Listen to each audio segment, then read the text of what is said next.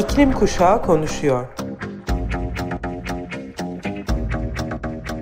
Hazırlayan Atlas Sarrafoğlu.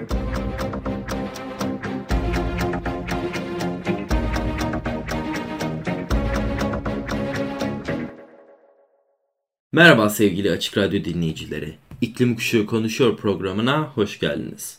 Ben Atlas Sarrafoğlu. Geçtiğimiz hafta dinleyici destek programı sebebiyle karşınızda olamamıştım. Size bu hafta yine haftanın ilgimi çeken iklim haberlerini getiriyorum. Ne yazık ki iklim kriziyle ilgili kötü bir haber ile başlıyorum programıma. Yaz sonrası başlaması beklenen El Niño'nun başladığı bilgisi gelirken 2024'te sıcaklık rekorları kırabileceği haberi de beraberinde geldi. El Niño olarak bilinen ve gezegenin 1-2 yıllığına ısınmasına yol açan hava olayı Pasifik Okyanusu'nda başladı. Uzmanlar küresel ısınmayı 1,5 derece ile sınırlandırma hedefinin de 2024'te El Niño etkisiyle aşılabileceğinden endişeli. Şimdilik El Niño'nun 2024 baharına kadar etkin olması ve sonrasında yavaş yavaş etkisini yitirmesi bekleniyor.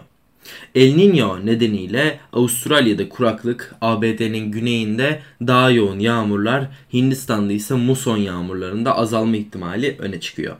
İngiltere Meteoroloji Ofisi Uzun Vadeli Tahminler Müdürü Adam Scaife, El Niño güçleniyor. Birkaç aydır geleceğinin işaretini görüyorduk. Bu yılın sonunda etkisinin zirveye ulaşacağını düşünüyoruz. Bu nedenle 2024'ün küresel sıcaklık rekoru kırması da olası diye ekledi. El Niño küresel iklimde en büyük değişimi yaratan hava olayı olarak biliniyor. Bilim insanları bu seferki El Niño'nun yıl sonu itibariyle ortalama bir El Niño'nun gücünü aşma olasılığının %84'ten yukarıda olduğunu hesaplıyor. Okyanus suyundaki ısınmanın 2 dereceyi aşarak süper El Niño kategorisine girme ihtimali ise %25'te. El Niño'nun etkisi birkaç ay gecikmeli olsa da tüm dünyada hissediliyor. Bu iklim olayı genellikle Afrika'daki kuraklıkla da artıyor. Geçmişe baktığımızda önümüzdeki büyük bir insani ve ekonomik kayıp olacağını ön görebiliyoruz aslında. Evet 1997-1998'deki güçlü El Niño 5 trilyon dolarlık hasara yol açmış. 23 bin kişi de fırtına ve sellerde hayatını kaybetmiş. Bu seferki El Niño nedeniyle 2024'ün 2016'daki en sıcak yıl rekorunu da kırması bekleniyor.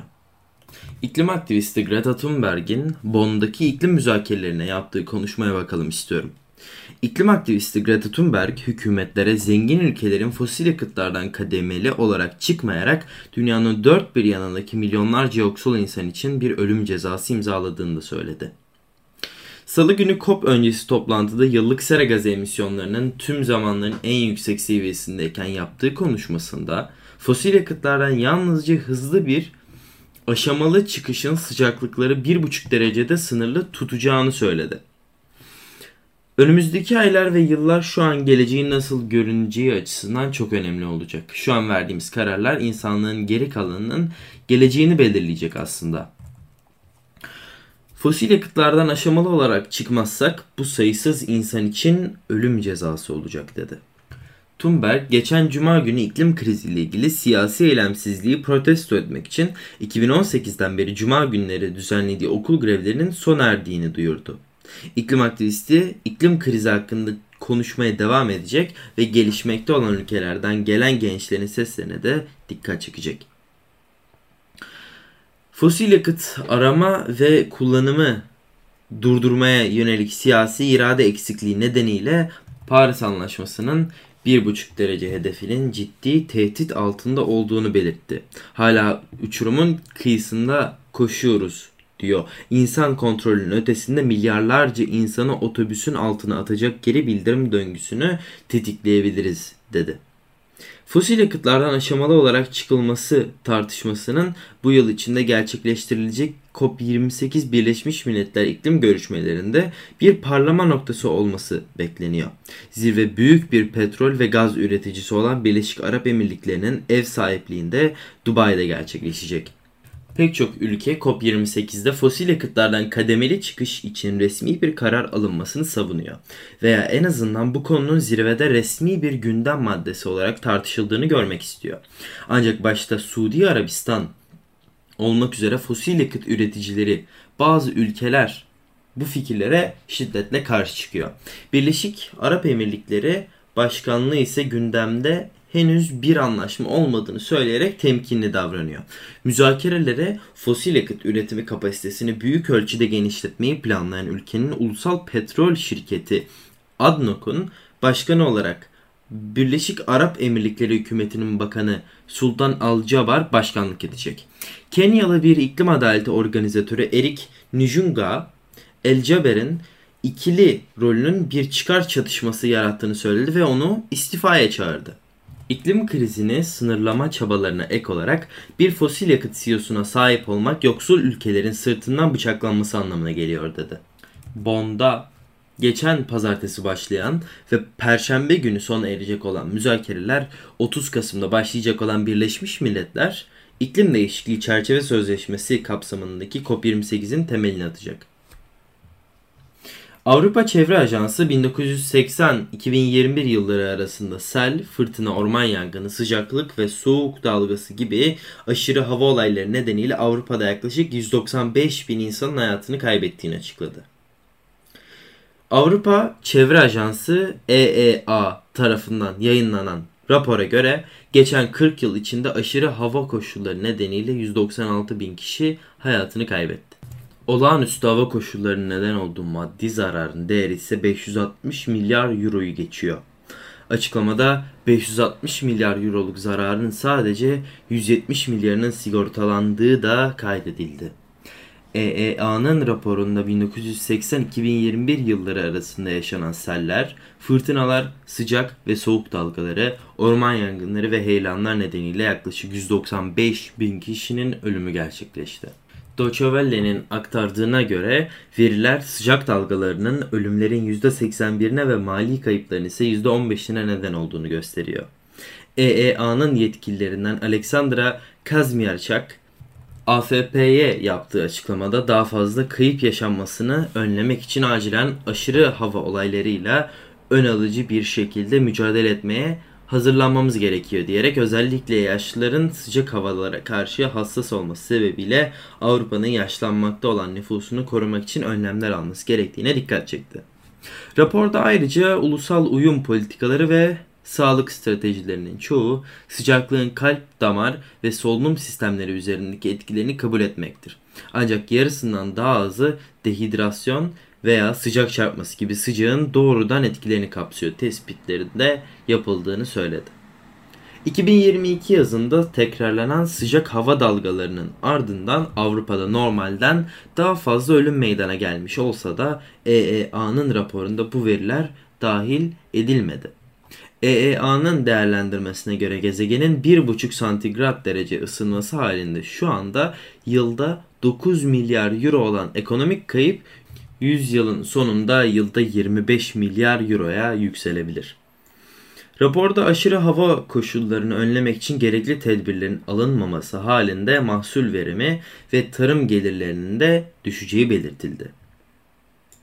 Birleşmiş Milletler Mülteciler Yüksek Komiserliği tarafından yayınlanan bir rapor daha var. Bu raporda ilgimi çektiği siz için sizinle paylaşmak istiyorum. Çünkü konu sığınmacılar. Rapor sığınmacı sayısının 2022 sonunda %5 azalmış olmasına rağmen Türkiye'nin dünyada hala en fazla sığınmacıya ev sahipliği yapan ülke olmayı devam ettiğinde ortaya koydu. Birleşmiş Milletler Mülteciler Yüksek Komiserliği yani kısaca UNHCR tarafından yayınlanan son rapora göre zorla yerinden edilen insan sayısı dünya genelinde 110 milyona yaklaşarak rekor seviyelere ulaştı. Türkiye ise en çok sığınmacıya ev sahipliği yapan ülke konumunu sürdürüyor. Euronews Türkçe'nin haberine göre rakamlar yerinden edilmelerin sayısına ciddi ve büyük bir artış olduğuna işaret ediyor. UNHCR Ukrayna Savaşı, Afganistan'dan kaçanlar, Suriye'de yaşananlar ve Sudan'daki çatışmalar gibi gelişmelerin toplam sayıyı daha önce eşi görülmemiş bir düzeye çıkarttığını da belirtti. Rapora göre Türkiye'deki sığınmacı sayısı ise 2022 sonunda %5 azalmış olsa da dünyada hala en fazla sığınmacı ev sahipliği yapan ülke olmaya devam ediyor. UNHCR en önemli yıllık raporu olan zorla yerinden edilme küresel eğilimler çalışmasında geçen yılın sonu itibariyle 108.4 milyon kişinin yerinden edildiğini tespit etti. UNHCR Başkanı Filippo Grandi, Cenevre'de düzenlediği basın toplantısında iklim krizinin diğer krizler üzerinde çarpan etki yarattığına ve yerinden edilmeyle göç üzerinde önemli bir rolü olduğuna işaret etti. Grandi, çatışma, zulüm, ayrımcılık, şiddet ve özellikle de iklim değişikliği nedeniyle yer değiştirmek zorunda kalan 110 milyon insanımız var. Bu, dünyamızın gidişatı hakkında oldukça alarm verici bir durum ifadelerini kullandı. 2022'nin sonunda 6,5 milyon Suriyeli mülteci olduğunu belirtti ve bunun 3,5 milyonun komşu Türkiye'de yaşadığı not düşürüldü. Şubat 2022'de başlayan Rus işgali ise 2. Dünya Savaşı'ndan bu yana en hızlı mülteci çıkışını tetikledi. Bugün dünya genelinde 5.7 milyon Ukraynalı mülteci bulunuyor. Geçen yıl 339 binden fazla mülteci çıkış yaptıkları 38 ülkeye geri dönerken ülke içinde yerinden edilmiş 5.7 milyon insan da evlerine dönebildi. Türkiye'deki nüfusun 2021 sonuna göre %5 azalarak 3.6 milyona indiği tahmin ediliyor. Rapora göre en çok mülteci barındıran ülkeler sıralaması ise şöyle.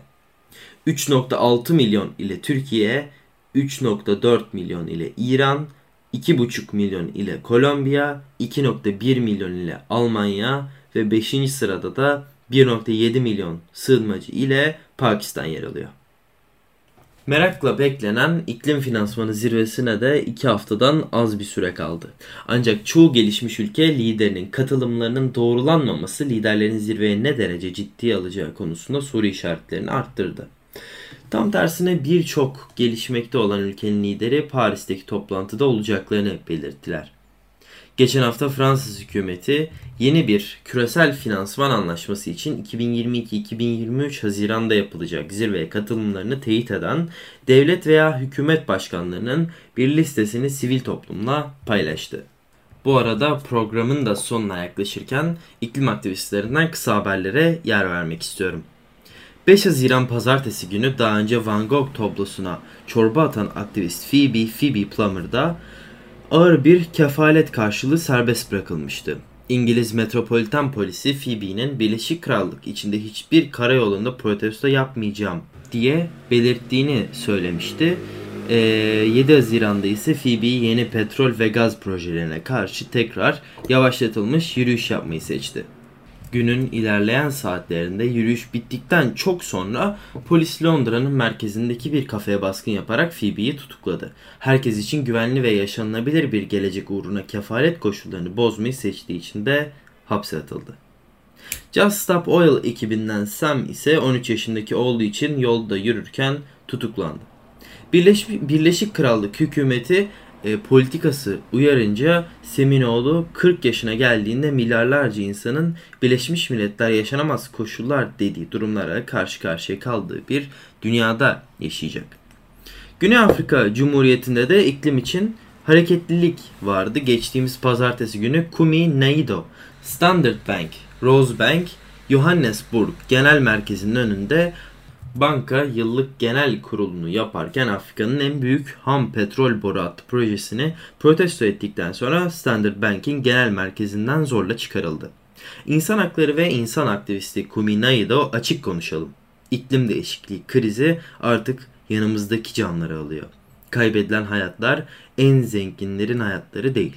İklim değişikliği trajedisine en az katkıda bulunan en savunmasız insanların hayatları dedi binanın içine girmeyi başaran birkaç aktivist bankaya fonlarını yalnızca varlıklı müşterilerine hizmet sağlamak yerine düşük gelirli topluluklara öncelik veren yenilenebilir enerji girişimlerine yönlendirmesi ve Doğu Afrika ham petrol boru hattı projesinden de Cabo Delgado gaz projesinden çıkması çağrısında bulundu. Bugünlük sizin için seçtiğim haberler bu kadar. Depeche Mode'dan Where is the Revolution ile programı kapatırken haftaya cuma yine saat 14'te buluşana kadar gezegenimize ve kendimize iyi bakalım. Görüşmek üzere.